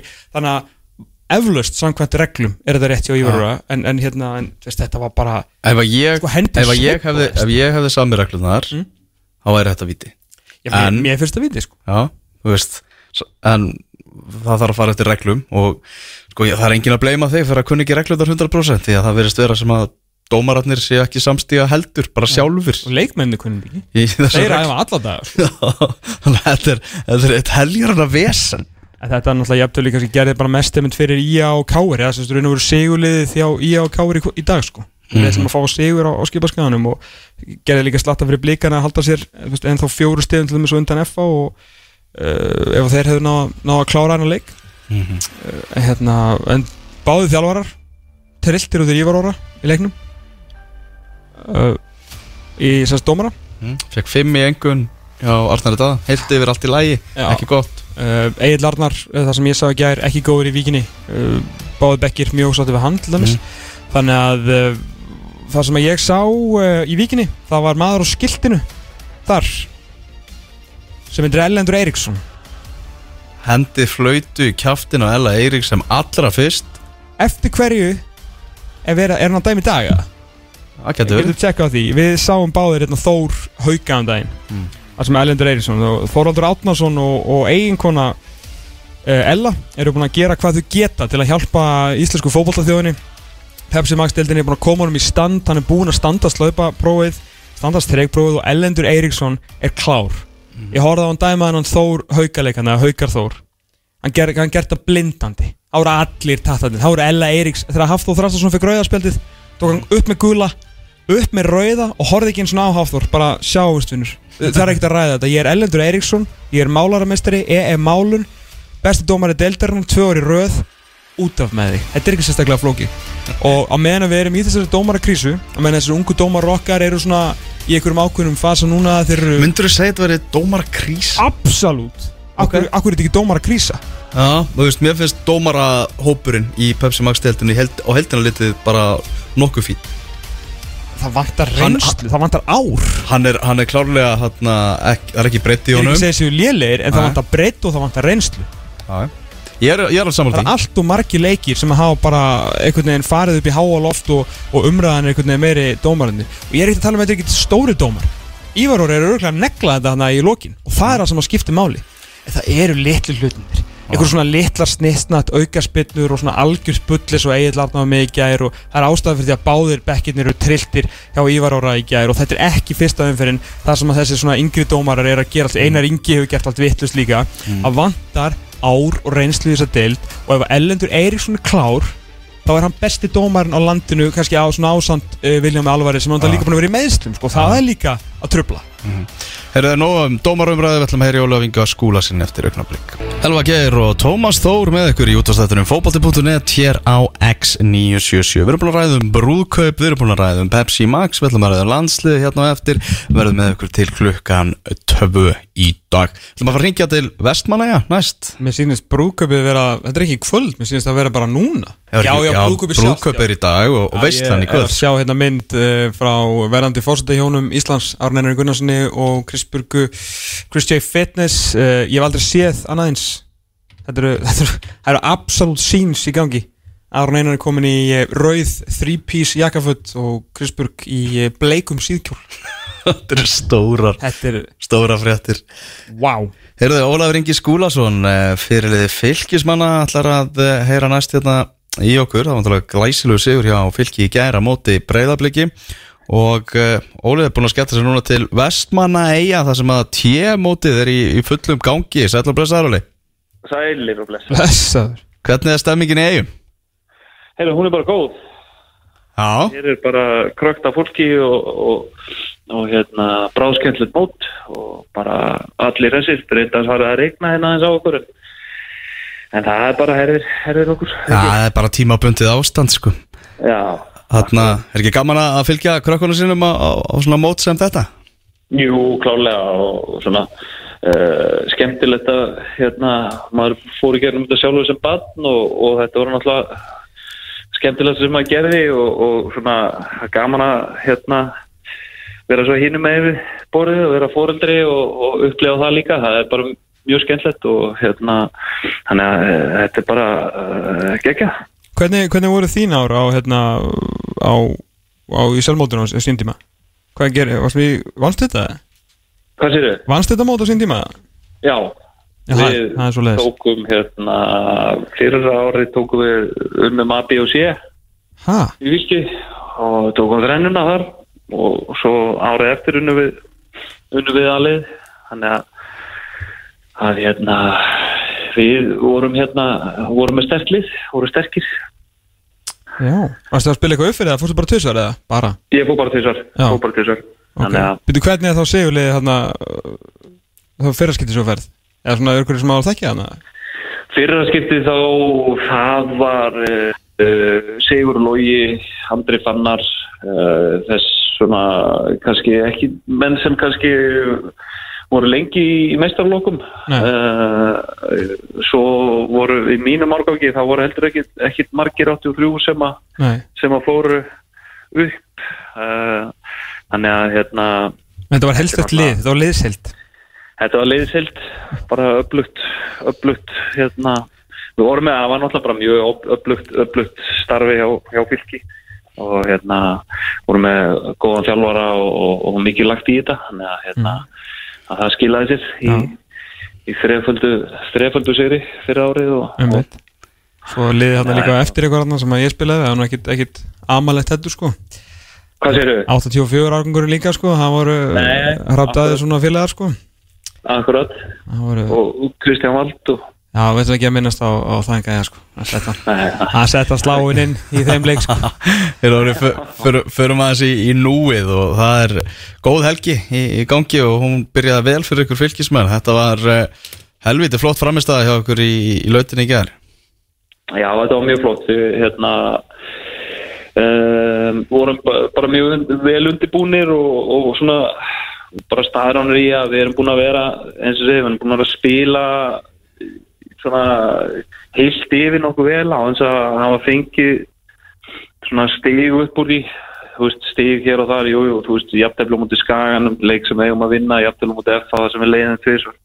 Um, og það var bara mikilvægt fyrir okkur að, eftir sigur á móti HK að, svona ná að, fá, koma ykkur rönni í liðið, vinna tvo í röð, við náttúrulega hérna, unnum, unnum fyrsta leikin og svo ekkert síðan að við unnum HK þannig að að hérna mér finnst svona, og, og við tölum það fyrir við, eigum hellinginni og, og hérna við náðum svona að ná góðum leik uh, í gæl og, og hérna svona eins og við eigum að eigum að geta spilað og hérna nú er það bara undir okkur komið að, að hérna að gera svo vel og, og, og svona sína það að þetta er bara okkar, okkar hérna uh, nývó, þú veist þetta er bara það sem við erum að vera í, í, í, í hverjum, hverjum leik og hérna og þurfum við að hérna, halda þetta spöðunum að halda, halda þessu áfram. Mm Það er alltaf ansi, ansi sterk skilabóð að leggja bara topplið að velli. Uh, Valdimar Þór Ingemyndarsson á öllum fjölmjölum valin maður leiksins. Já, hann er frábæð leikmaður, hann hérna þarf að finna kannski svona smá consistency bara í sínu leik, hann er alltaf ungur og, og en hann er ótrúlega efnilegur og ótrúlega góðu leikmaður og hérna á eftir að vaksa bara hjá okkur. Mm -hmm. og hefur verið að vaksa bara með árunum og, og hérna segi, hann á mikið inni, hann er mjög, mjög hérna, öflugur og góðu leikmaður og, og hann naut sinni, sinni botn í gær og, og, og svona, ég held líka hjálpar, hjálpa á honum að við vorum með tvo framherja og hann gæti svona verið að stinga sér kringu þá og koma undir þá og var bara mjög, mjög öflugur í gær, bara eins og, eins og all liðið þannig séð, heilt yfir.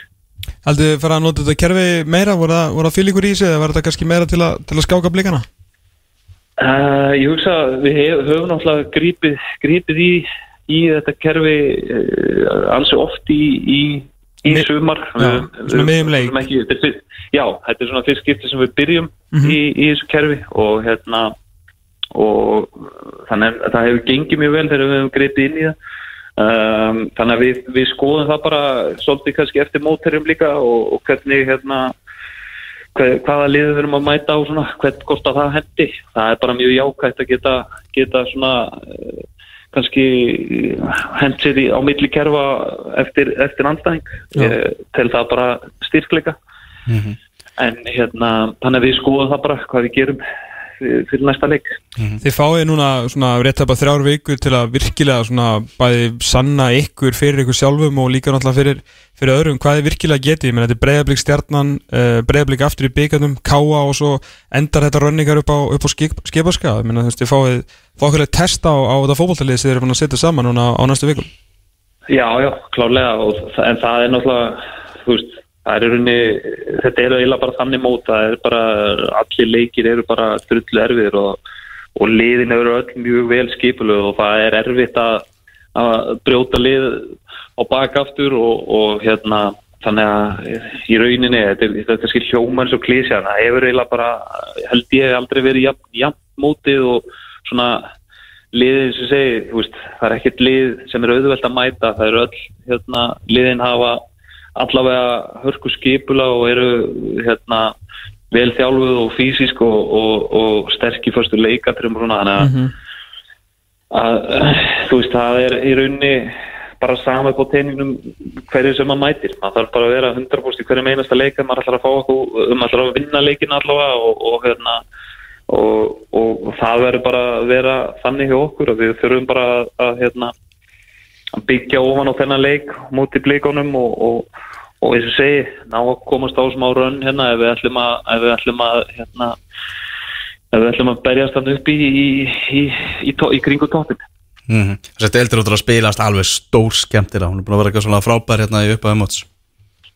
Já, eins og þú veist, ég hafði það svona á tilfinningur fyrir, fyrir, hérna, fyrir mótið og að þetta yrði jafnt og, og hérna og svo náttúrulega hefur það verið raunin ég kannski átti ekki alveg vona að þetta yrði svona rosalega jafnt og, maður kannski átti ekki vona að Valur myndi hérna uh, byrja svona erfilega en, en það er kannski uh, hérna svona kannski sýnir, sýnir okkur hvað, hvað liðin eru orðin svona sterk og, og, og sérstaklega svona taktíst það er, það er erfitt að brjóta lið og baka aftur. Það er, ég menna við, fyrir mætum háká það er, það veist, þeir skora undan okkur og það, þá er maður bara í vesinni. Það er bara, það er bara erfitt að, að finna leið oft og, og lið eins og segil kannski gera, gera öðrum liðum erfitt fyrir. Þannig að hérna, sama með, með grindvíkingana, þeir eru mjög, mjög hérna, öflugið varnarlega og við töpum, töpum fyrir þeim í, í svona típiskum 0-0 leik en þeir skor eftir fast, fast, fast leikatrið þannig að það er eins og segi það er hérna, þetta er bara bara hörkuð þétt Mm Rétt árum við sleppið þér, Óli, við verðum nú aðeins að minnast á, á íslenska landslið og, og landsleika gluggan og þennan sigur náttúrulega á móti Tyrkjum, vinnuðinum frá, frá Tyrklandi. Þarna, hversu svona jákvæmt og gaman var að sjá svona að íslenski neistin sé, sé endir staðar hjá, hjá strákunum okkar? Bara algjörlega frábært. Um, bara frábælega vel leikinn leikur hjá okkur, sérstaklega fyrirháleikur mótið Tyrkjónum um, ég, maður var svona þetta var, var svolítið spenntur að sjá hvernig leikur myndi þróast því að ég, ég horfði á að spila mótið frökkunum og þeir algjörlega yfir spiluð frakkana uh, og ég var svolítið hissa á að þjálfari þeirra skildi ekki bara hérna bakka okkur og lega okkur að koma sko, ég svona held kannski að hann myndi vera klókur og reyna að gera það því þeir eru rosalega snarpir á, á hérna í skyndisónunum, hann náttúrulega hjálpaði okkur að, að undir var, var mittur og hérna hann náttúrulega er besti leikmann í þessu liði.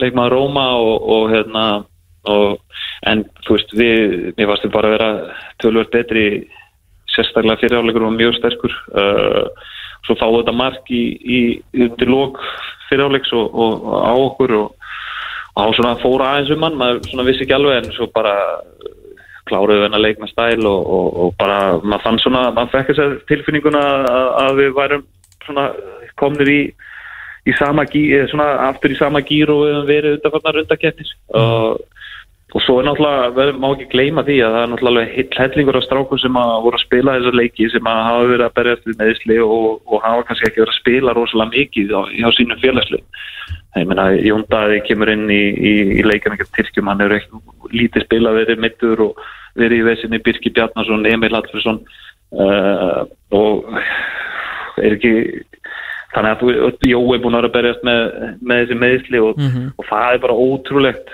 hrós að, að komast í gerðum tvo leiki á svona stundum tíma uh, og, og þú veist að það verður rosalega gaman að sjá þegar vonandi verða allir komnir í, í, í hörku stand í haust og, og þá eigum við bara, eigum við bara meira inn í sko. þannig að mér fannst þetta allavega alveg frábært og eftir þess að þjóða, þjóðadil sem var náttúrulega mjög slök að, að hérna mér varst það rosalega gaman að sjá þetta var svona veist, þetta, þetta Ísland sem við þekkjum uh, sterkir í fyrstu leikatriðum er ekkert að flækja þetta uh, veist, fysikal og, og sterkir varnarlega og mér varst ég bara eiga þessi 60 fyllilega skilir Þjóðarsálinn þurfti á þess að halda?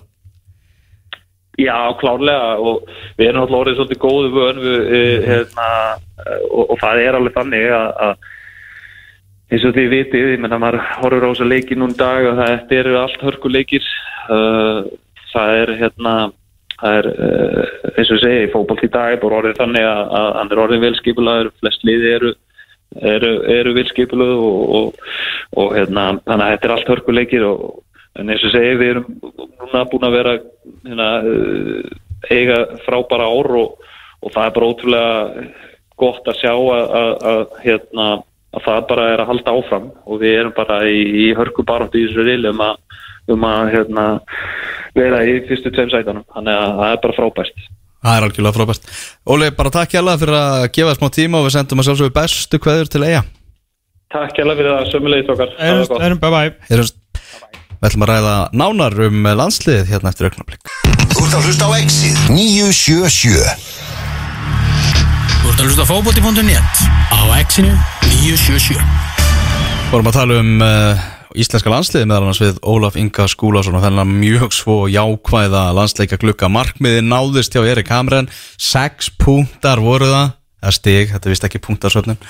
En Jú, jú, Ólafur Jóhannesson stýrir ekki umræðinu í þessum þætti punktasöfnun sex punktar sem Sex við punktar. fengum hann og Erik Hamren Og við erum konum með nýju punkta í heldina vona, ég vona svo sannlega að vindillin sem að Erik Hamren reykti kvöldið eftir þetta Já. hafi verið honum ljúfur og góður Já, þetta er líka svo síðasti vindildin sem hann má reykja Það sem Já. að sjálfsögðu fór allt í skrúuna á Nýja Íslandi Guðminn almáttur Þetta er svona, þú veist, búið að kennileiti hans í gegnum uh, árin og gegnum þjálfarferilin þegar hann nær markmiðum sínum þegar hann nær árangri uh, titlum og eitthvað saman hvort það hefur verið með Svíþjóð eða með félagsliðu sem hann hefur þjálfað í Skandinavíu þá tekur hann upp vindilinn hefur hingað til bara sko bara reykt hann út á miðjum velli Já, já, já.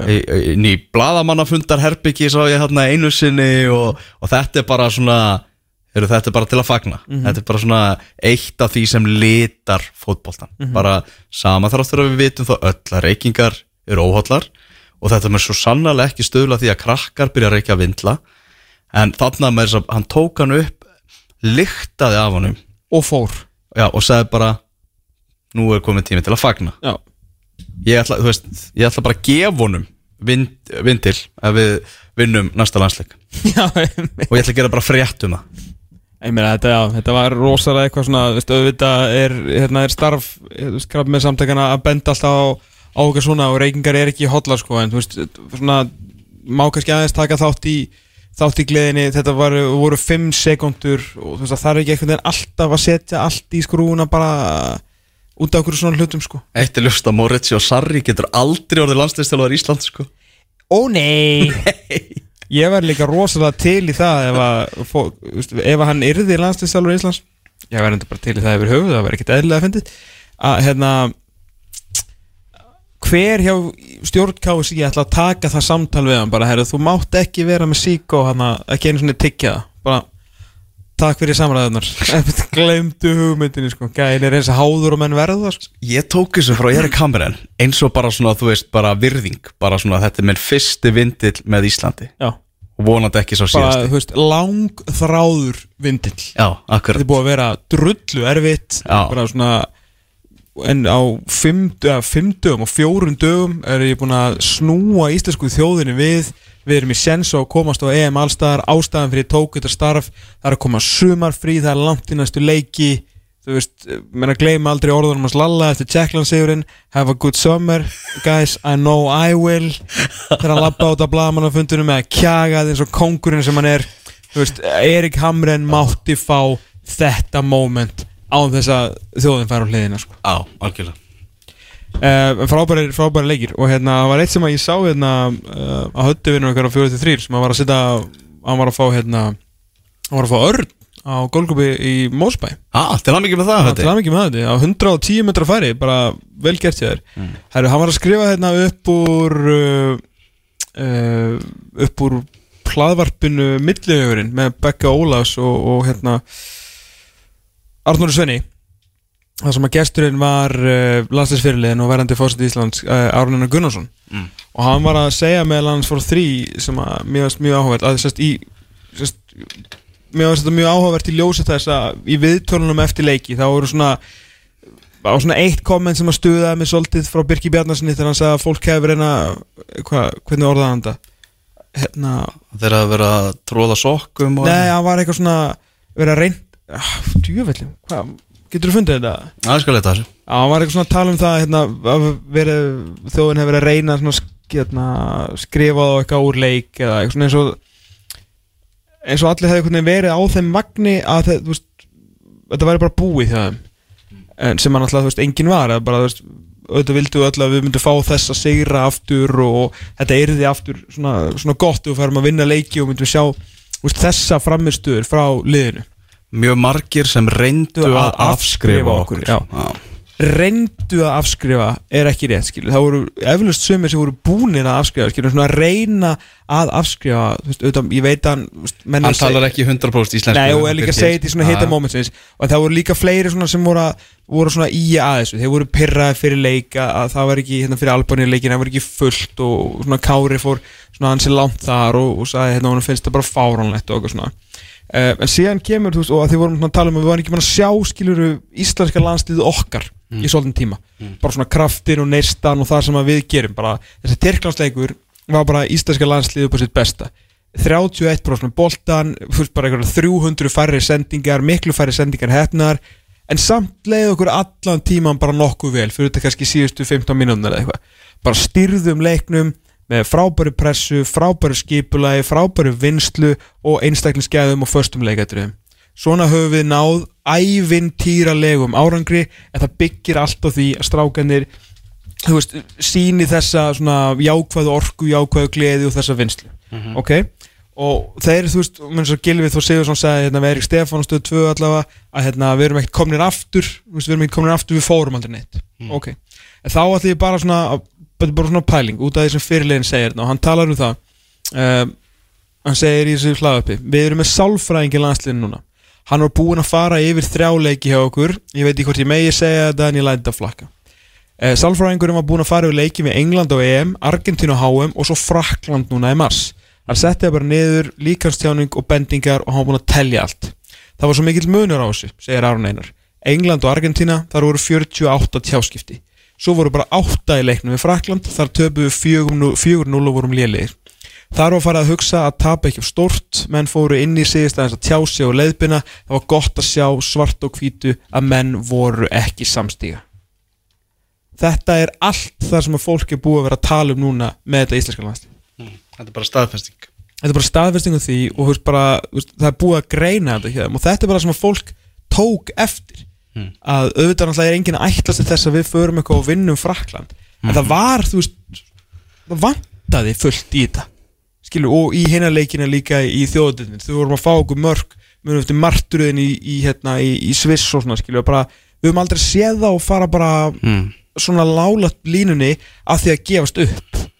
Og það var það sem var svona stuða fólk og það var það sem að fólk svona skildi ekki alveg, við vorum, veist, okkur kom ekkert á óvart. Við vorum ekkert að, með ekkert sambafóbalta framhjá, framhjá Sviss og Belgi og þessum frábæru liðin, skorandi 2-3 mörg, en það sem hafði komið okkur svo langt, auðvitað voru fullt af mönnum meittir líka, við skulum ekki gleyma því. En það sem hafði komið okkur svo langt var, þú veist, allt sem að Aron Einar talar um, um hérna og það sem við erum búin að vera að sjá frá þessu liði. Uh, og þetta sáum við aftur í þessum Albaníu og sérstaklega í Tyrklandsleik þannig að við varum svona ágæti staðfesting af því að fólk þú veist, er ekkert fíbl sko, þú veist það sáu þetta alveg. En þess að máli segja þú veist, þeir eru komnir aftur með þetta og nú er bara áfram gakk og við erum að fara allar leiðin á EM allstaðar í Bjerreil í London og Glasgow. Ég er hérna, ég er tím Bilbao og Dublin. Públin? Já, Nei, þú veist, ég, ég, ég, það er varakosturinn minn Bilbao og Públin en London, Glasgow er allt og sexy. Ég hugsaði líka að þú verður að hugsa um meðafjöldan sko. 90 manns á Wembley. Hvað verður margir íslendingar? já, já. Nema Íslendingar fá náttúrulega bara 3000 meða og svo fá allir í Azerbaijan að koma. En þú veist, heima bær Guinnessins minn upp á strikkur og svo Spán, Já, og sko Baskaland. Baskaland. Fótboltaland. Já, Já, ég, það bara veist það í, Það- í, í mínum huga á, á, á, Þú ert Públin Bilbao. Já, Já, ég er London Glasgow já. Það er þannig. Uh, Næsti landsleikur verður á lögatarsvelli á móti Moldovum Það verður stann, uh, hvað 7. september eða ekki?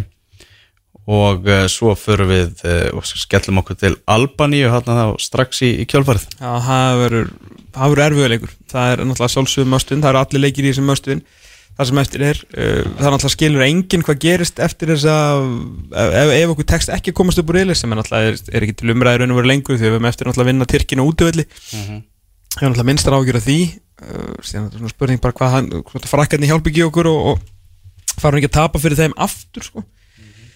uh, Sindri Sverrisson í morgunblæðinu uh, gerði mjög heiðalega tilhörun til að útskýra þjóðadildina í, í langri grein með grafík og sko, grein sem hann setti hjartasett og sáli í morgunblæðinu í vikunni uh, en samt uh, er engin engu nær sko. Þú veist ég, ég segi bara geymum pælingar um þjóðatildina stefnum á enda í topp tveimur í þessu riðli. Hugsaum við þjóðatildina ef það mistakst já, einmitt. Af því að þá, því að þú veist, það er ekki einu svona hægt það er ekki svona vitað mögulega eins og hann var hann að setja þetta upp þú veist, hvaða lið við myndum mæta í umspilin núna. Og það er náttúrulega eru lið sem voru í aðildinni sem eru ekki í efstu tveimur sætunum eins og Holland og Kroatia sem að mun alltaf fara á EM-korti þannig að riðlinn okkar í umspilinu var sem sagt Holland og Kroatia og síðan Rúmenía sem kemur á sérili, þannig að við hoppum yfir B-dildina en svo er ekki víst að Rúmenía þurfa að fara í umspili eða hvort að það þurfa að fara í svona erfitt umspil að því að Búkarest er í gerskjáborg og þá mm. Júfa ennþá eftir að ákveða hvort að veist, það vilji upp á það að Rúmenar eigi geti átt leik í Búkarest þannig að hvar þeir endi. Þannig veru ekki hægt að mm. að þú veist, Jófa er ekki búið að ákveða í raun og veru endalega sko, bara svona pælingar með dráttin mm Herru vinnur okkar, Benedikt Bóas Hinriksson. Já, en það er náttúrulega það sem að gerist. Að ef við förum í umspil og við verðum hann að dregnir og fyrir ofan þá getum við þetta að spila á lögutarsvelli í mars. Lögadarsvöllur, hann var til umfjötunar hjá hannu Benna í, á leikvangnum í fréttablaðin í dag. Ef þið eru ekki búin, búin að kíkja á fréttablaði þá skulle þið bara fara í postkastan og, og kíkja á þetta. Uh, Hver er fyrirsögnin hjá hann? Fyrirsögnin er allt, allt er útið um allt og einhvers staðar og þetta er frábakræn það verður bara segja alveg svo, alveg svo er þó hann njóti hér mikils vina afsláttar og, þá, og, hérna, og við vitum það, þetta var ekki strax viðbröði í morgun og símtölun hafa verið nokkur og öll jákvæð mm. eh, allt er út um allt og einhvers staðar þetta er bara helsiða í dag sem að myndin er svona, svolítið svona, svona sovjetfílingur yfir töflunni og, og hérna svona Já, ekki, ekki sérstaklega fallegt. Og hann svona fór, hann bönnisast fór á völlin með hérna, eldri dóttursunni, minni Matilde Emlu og tók þetta svolítið svona út bara sem stuðningsmæður mm. og segir hérna og sérst á raun og veru hugmyndin kviknaði eftir að Kjartan Alli Kjartansson og Hjörvar Háleðarsson í raun og veru tóku lögutarsvöll aftur fyrir hlöðu í brennslunni í vikunni og skutu hann í nakkan Mm -hmm. uh, þetta var svona harðasta umræða sem hefur heist um, um, um lögundasvöll og náttúrulega voru að miða við uh, svona aðra leiki sem að þeirra farið á og farið á annar staðar. Og þetta er náttúrulega, það er algjör viðbjóður að fara á leiki á lögundasvölli sem stundismæður, það verður bara að segja starfum sem verður. Gleðin er í 90 mínútur og menn setur í sætunniðinu og farið að horfa á þess að heitjur okkar skiluru en mm. allt í kringum þetta er umurlegt og það er eiginlega ekkit annað orðið við það því miður. Þetta er bara umurlegt frá upphæði til enda. Og náttúrulega ekki skánaði að KSI gafst upp á þessum fansón pælingum það er náttúrulega kemst engin hefð á þessar fansón pælingar mm -hmm. ef að það er svo allt í hennu hægt með loksist þurfum við að fá um laugardagsleik í bong og blíðu klukkan eitt mm -hmm. veist, á fjölskyldutíma og þá er ekki neitt fyrir neitt og þarna bara, þú veist, vini mínir þeir bara gengu, bara gengu hérna runni í tómt, sko, þú veist, þeir ætla að mæta að fá sér að kíkja í matavagnina og svona þess að hanga þetta undir fyrir leik og svo fekk ég bara skilja búin hvað er fansónið, bara það er og og hann svona fer yfir þetta með hérna, hvernig það var með dóttusneið, kefti sér hann að kalda pizzasneið, það var þetta að fá hambúrgara á litar 1200 krónur, langar benda okkur fengið hambúrgar og kóka á þúsund kallega minna á mörgum stöðum í, í vikinni, en alltaf þróttarar sem að sjá um hérna uh, söluna, þú veist þetta er ekki KC eða eitthvað svona, eitthvað batteri kringum það er bara þróttu sem að sér um þetta, þannig að það er bara þeirra hagnaðar að hafa þetta, hafa þetta svona hátt. Uh, skal ég segja uh, þau fengur sér pizzasneið, vildu ekki fá gós, vildu fá vatn, það er ekki að fá vatn í sjópinni mm. og við náttúrulega, þú veist, fyrir þá sem hafa ekki séð uh, hérna, verðskrána, þó það er náttúrulega bara A4 blad sem er bara plastað á vegg því að náttúrulega þetta er ekki ljósaskilt og ekki neitt og þetta er bara gamla góða hlaupóki, sleiki og, og svo lögðarsvöldu klassík, kaffi, sagt, uh, volt, gevalja kaffi og stjörnupopp. Já, þetta er bara í Times New Roman og, og límt upp á vegg. Já, þannig að það er ekkert gert til þess að gera þetta eitthvað meira sexy. Þau gæti ekki fengið vatn, þau fengið bara glas, þau vissi ekki hvort það er rukka fyrir glasið og eru sendin á inn á klósett, inn á almenningssalerni á, á fókbaltafelli og klósett náttúrulega ekkert sérstaklega teltur og verður þar hérna fenginn til að eh, og þurfa að ná sér í vatni þar. Og svona er svona að tala um hvað þetta er svona umölu upplöfun en síðan er líka bara að fara yfir bara núverandi ástand vallarins, bara hvað vantar. Leik leikflötun er ekki slétt, það vantar hitalagnir búnisklöðnir, lélegir eh, livjaherfingens eftirlítir og lítið, þú veist þetta er náttúrulega bara völlurinn að er engum hérna, enga veginn upp til standard síðan svona eh, lausnir svona skemmtilegt og svona kannski ekki alltaf sem að vera svona gaggrín og svona, Benny kemur líka með svona alls konar hugmyndir eh, eins og fátlum svona event, svona event manager fyrirtæki til að vera með fansónið mm -hmm. og mhm. KSI bara leiði þeim að hyrða hagnaðina því þannig að þú veist þau hafa þá haksinn að hafa þetta almennilegt mm -hmm. uh, eh, holfa nefur bílastæðin, þú veist vera veist, með fjölskyldusvæði, félagarsvæði skilur upp púpsvæði mm -hmm. og ekki bara vera með 2,25% viking gildan sko verður með, uh, fáðu borg brugghús eða kalda eitthvað til að vera með eitthvað svona, veist, þetta er það sem er nýja, þetta er það sem ja. Atlanta United, framsaknast á flottasta fókbaltafélag í heiminum í dag, þegar kemur að upplöfum stuðnismanna, þeir tóku bara stöðucheck á verðandi stuðnismennu sínum, þegar þið mætið á völlin á fyrsta leik, þegar við erum búin að stopna þetta félag hvernig bjór viljiði? Mm. Og þeir sá bara, ok, við erum hérna, flestir okkar stuðnismanna eru hipsterar, þannig að það er bara, þú veist, dæmið í MLS-deildin í dag, það er bara kraftbjórar, það er ekki verið að pína ofanið á eitthvað sem þið vilji ekki þeir eru bara spurðir hvað viljiði og það eru kraftbjórar. Hefur þið séð þarna púp bílin Þú veist það fyrir ekki að henda honum hann inn. Já. Ha, Hann er geggar, það getur farið á hana, hvað, bublur og bjór uh, punkturis Já, okkar maður Arnar Haldursson, kona hans á þetta sko. Nákvæmlega, þetta er, þetta er bara algjör snild sko. En svo er náttúrulega líka farið það sem að skiptir þetta máli. Stoppkostnaður kemur frá en ofinbera fullur og ríkis og borgar og knastbyrnu sambans Íslands þannig að þessi undirbúinu, þetta undirbúinisfélag fyrir hennar undirbúinis hóp eh, sem var sett á laginnar í eh, sko, apríl í fyrra og þeir voru að taka til starfa núna þannig að, þú veist, og svo er náttúrulega ekkert að gerast. Ég meina, þú veist, þingið er náttúrulega bara stopp. Þú veist, það er eh, maður skilur alveg að það eru mikilvægari málumni í gangi á þinginu í dag heldur en lögutasvöldur ok Uh, ég meina þú veist og Sigmundur Davíð er bara með allt í bremsu að því að hann vil ekki, veist, ekki ferst kjöt og eitthvað orkupakka uh, þegar það kaupa sér fullt af orkupökkum til þess í bónus, netur og rúsinir og þetta er bara rosa fínt, en ég skil ekki hvað málið er uh, en þú veist, hvað á að gerast?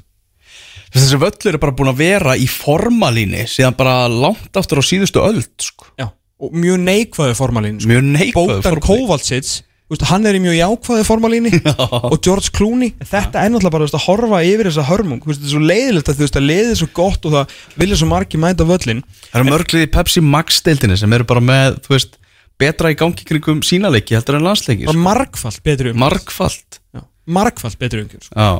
Þannig að eitt punktur sem ég vil nefna og það er svona er búið að reyna aðeins við erum verið að ræða þetta eins í podcastáttum og útafslættinum hjá okkur og svona. Mhm. svo þetta er eit- eitthvað búin að reyna að snúa þessu upp eins og við séum að gaggrina starfsfólk KSI Já, það er mjög góð, svona skemmtilega tilhörun sko. Já, ég vil bara koma því algjörlega á reynd og líka í þessu tengslum við þarna, þú veist, landsleikina núna. Þú veist, við efast ekki um það. Þau eru að gera sitt allra, allra besta. Þannig er ótrúlega hæft fólk sem er starfandi og er að vinna við óviðegandi aðstæður. Algjörlega þú veist, bara umgjörðin og aðbúnaður sem að hafa bara býður valla upp á eittnin eitt Þú veist, Ómar Smárásson, Þorvaldur Ingimundarsson og Margrét Eliasdóttir er ekki Já. að taka hamar í hönd og byggja nýjan völl sko. Já, Kitty Jó, vallastjóri sem er að þarf að bera einhverja slöngur hérna og spraut úr vassbísum til að vökva völlin og eitthvað og hann fer ekki, fer ekki út með skoblu og grefur fyrir hitalögnum sko. Nei, veist, við hafa það alveg að reynu við þú veist, þetta, er, þetta er okkar fólk sko. Já, já, og bara góði vinnir okkar mm. En þú veist, þetta er náttúrulega það gerist náttúrulega ekkert nema ríki og borg komið aðeins Ah. og það er bara, er ekkert að hreyfast í því. Veist, það er bara þannig að við erum bara að fara til Þórsafnar í mass mm ef við, þess að fyrir ekki ef við förum ekki, ef við förum í dömspil sem við ætlum endur ekki í því að skilur enginn eitt í. Því Nei, nákvæmlega, við viljum ekki sjá umspil, við ætlum að enda bara í, í topp tveimur í þessu. Já, skilja Tyrkir eftir og þeir geta bara farið í að setja dömspil Mm.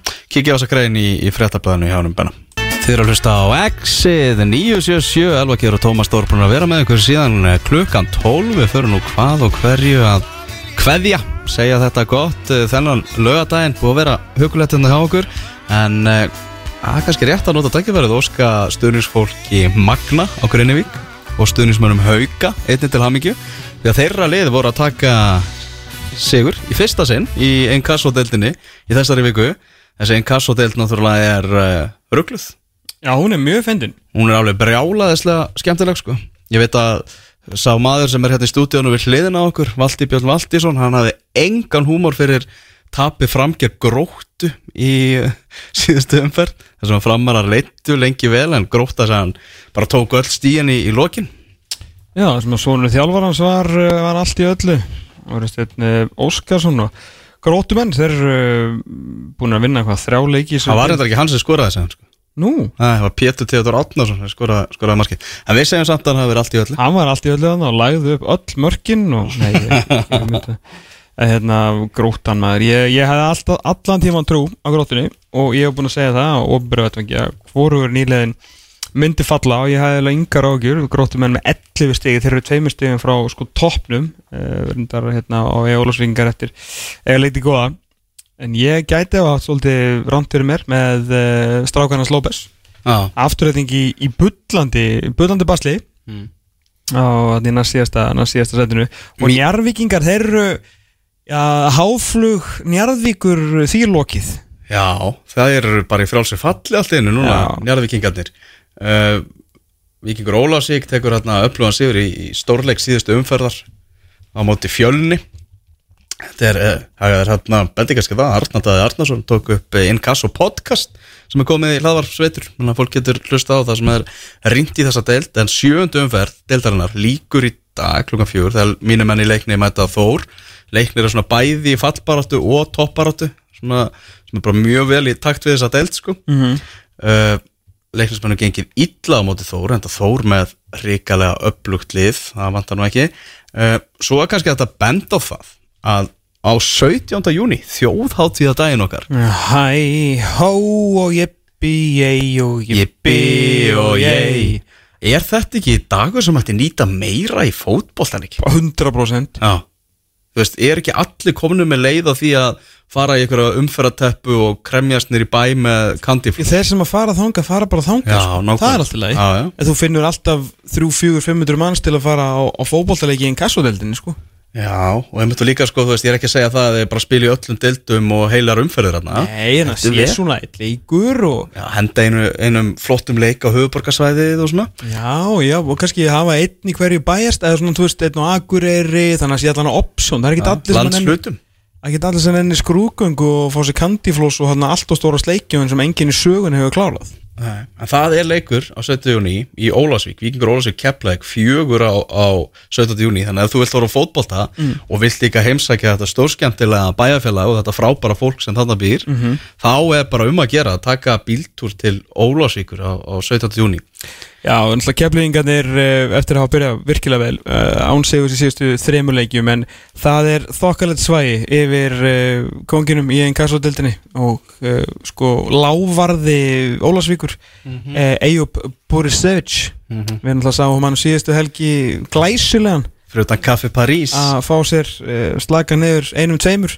oh. í sólinni á Austuvelli var á, var á Café Paris og og þar var hann að sjá toppsætið í hyllingum hann var svona, hann var svolítið eins og Gusti Púst á pallinum. Hann var svona eins að fara yfir þetta bara og sallarólur og glæsilegur á því.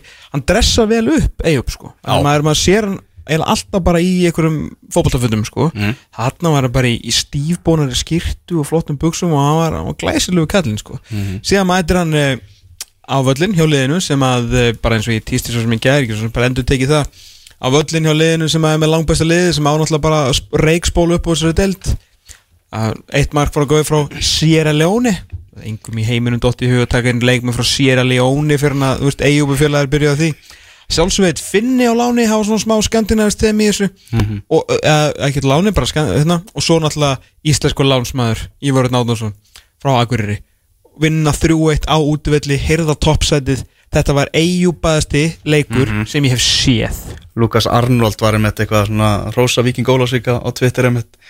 Og hann einmitt sagði samt skilji ekki hvernig lið getur verið í svona miklu messi alltaf á undirbúinstíðabilinu svo að leið og sólinn fyrir að hækka þá bara smellur allt. Þetta er bara það sem að Það er endur ekkert mál að skilja því að liðið mæti til leiks eftir að þetta er ekkert, þetta er ekki, sko, þetta er ekki starffræði Nei. en staðan er þannig að eftir 6-2 tap uh, Víkings Ólasvíkur gegn Ulfónum í Mjölkubika Karla í fórkefni þar. Að þá uh, byrjaði þeir mótið að vinna gróttu 2-0 gerðu ég endra í að markaðalist jætteflu hauka 0-0 sem að þeir eru líklega átt að klára. Búin að vinna þrótt og nótabenni í sýttu visslega leiknismennir slóðu þarna aðeins nýra á jörðuna og frábær sigur á leikni. En þeir eru búin að vinna núna í tveimur og sístu þreimur leikjum. Þór 2-0 og Fjölni 3-1 tvö bestulið deildarinnar að svona flestra mati. Hmm. Þannig að já, Eyjup Borisevic hver veit nema hann verður mættur aftur í eh, Pepsi-deildina á, á næsta sumri sko. Já, Þetta er, hann er ekkit minna en taframæður það er eina orðið Já. og, og þeir sem reyna eitthvað að mótmæla því þeir geta bara gert það eitthvað staðar heima og sér í lokuðu rými sko. Setið bara saman eitthvað svona dundurinn kassolið með einhverjum gæjum sem hefur verið í Pepsi Max-deildinu og trillið ykkur út í Ólasvík og aðtöðu hvað hann gerir með einhvern gæja frá Sierra Leone og eitt finna og svo strák frá Akureyri sem að mætti bara kortiri fyrir mót og svo allan og einhvern og engan og einhvern gæja frá Grundafyrði og með Steina Halta sem stjórnaforman og eitthvað sko Já. okkar, okkar besta sko Þorstein Haug Harðarsson sem að er bara heldur betur bara sko sáðu búin að rífa þetta upp sko það er topp maður, júvellir ég ánæða með hann. Hann er sko líka hann er búin að taka við af hérna af Jónasi sko. Svona sem svona presessið í kringum hérna, kringum liðið. Hann er með þeim á bekknum og þú veist hann er hérna veist, alltaf, hann er alltaf svona ja, æstu hann passa líka upp á, upp á Eyjup, maður alltaf hvernig Jónas var alltaf svona að halda í hann og svona, ég, ég er mjög ánægð með þetta. Er svona að vanta, að því að þegar Jónas fór úr bænum Já. og hérna, gæti ekki lengur verið að hérna, ég verið jafn mikið í kringum þetta þá þurfti eitthvað svona annan passjónista svo fór ég náttúrulega hérna, fekk þóstum mig til að uh, fekk þóstum mig til að bara svona herrakvöldunni hjá þeim sko, sem var hrikalega gaman sko, mm. ógeðslega skemmtilegur hópur og gaman að verða sko. það var hérna Það var svona alltaf aðeins verið að skjóta á, á, á steina sko Svona fyrir hitt og þetta. En hann mátti alveg sjá að hann Hann er kongurinn hann í Ólasvíkinu Alveg breytt bakk. Já, þetta er, þetta er topp maður sko Og ég, hérna Ég er alltaf svona að býða eftir eitthvað svona, svona smá upplipi frá hann sko. Einum Jónas, maður skilni Jónas gestur sko Þeir voru alveg trilltir. Ah. þá var svona fóstundum Jónas með í dómarna sko. Svona þú veist og eigu bara svona það var svona alltaf svona smá læti og gaman sko og fljót, menn fljóti niður. Ég held að býja þetta þessu frá þásteinu sko. Hann verði svona algjörlega nýr Jónas sko. Já, ég held að nái því ekki. Nei ég held reyndar ekki sko. Það var svo einstatt samband milli Jónasar og Eyjup sko. já ég held að, að þásteinu sem komin ansi ansi já, þessu, sko. Hann Herru, ég ránað með okkar mann hérna á bútið rétt Arna Daði var að henda í hérna samantekt og, og fréttir mun uppfærast myndir af uh, landslísmönnum í brúðköpi Gilva Sig. Þannig að það er bara hægt að fylgjast með uh, okkar mönnum eins og við tölum um fyrir þessu þætti. Þá er þetta það sem allir eru að hugsa um þetta er það sem allir eru að tala um. Sama hvað er þykjast vera að gera sko. að sjálfsögðu er þetta eina sem að fólki er að, er að tala um og nú er maður svona að fylgjast með með myndunum, ég var búin að sjá uh, landsleisferilegan, hann var stórglæðslur og nú svona býðir maður eftir að fólk uh, fara að rúlla inn, inn brúkjöfsmyndunum sko mm. Já, heldur að segja já?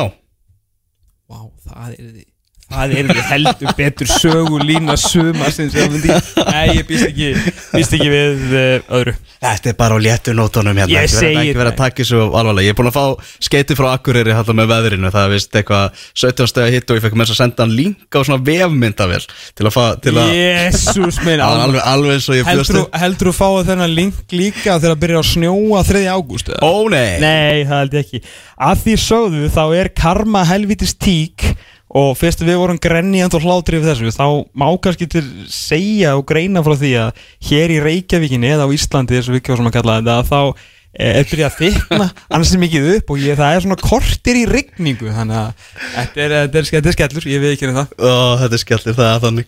Erum við að fá stefið? Það? Viltu viltu stefið? Já, bara það er kveðja.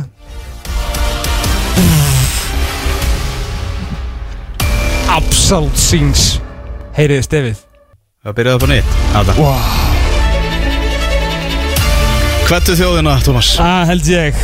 Útastátturinn fótbolti.net Takk að kella fyrir sig þennan lögardaginn Þetta var svona spjallþáttur á léttunótunum Brúðkaup allsins Brúðkaup aldarinnar sjálfsög í hávegum haf.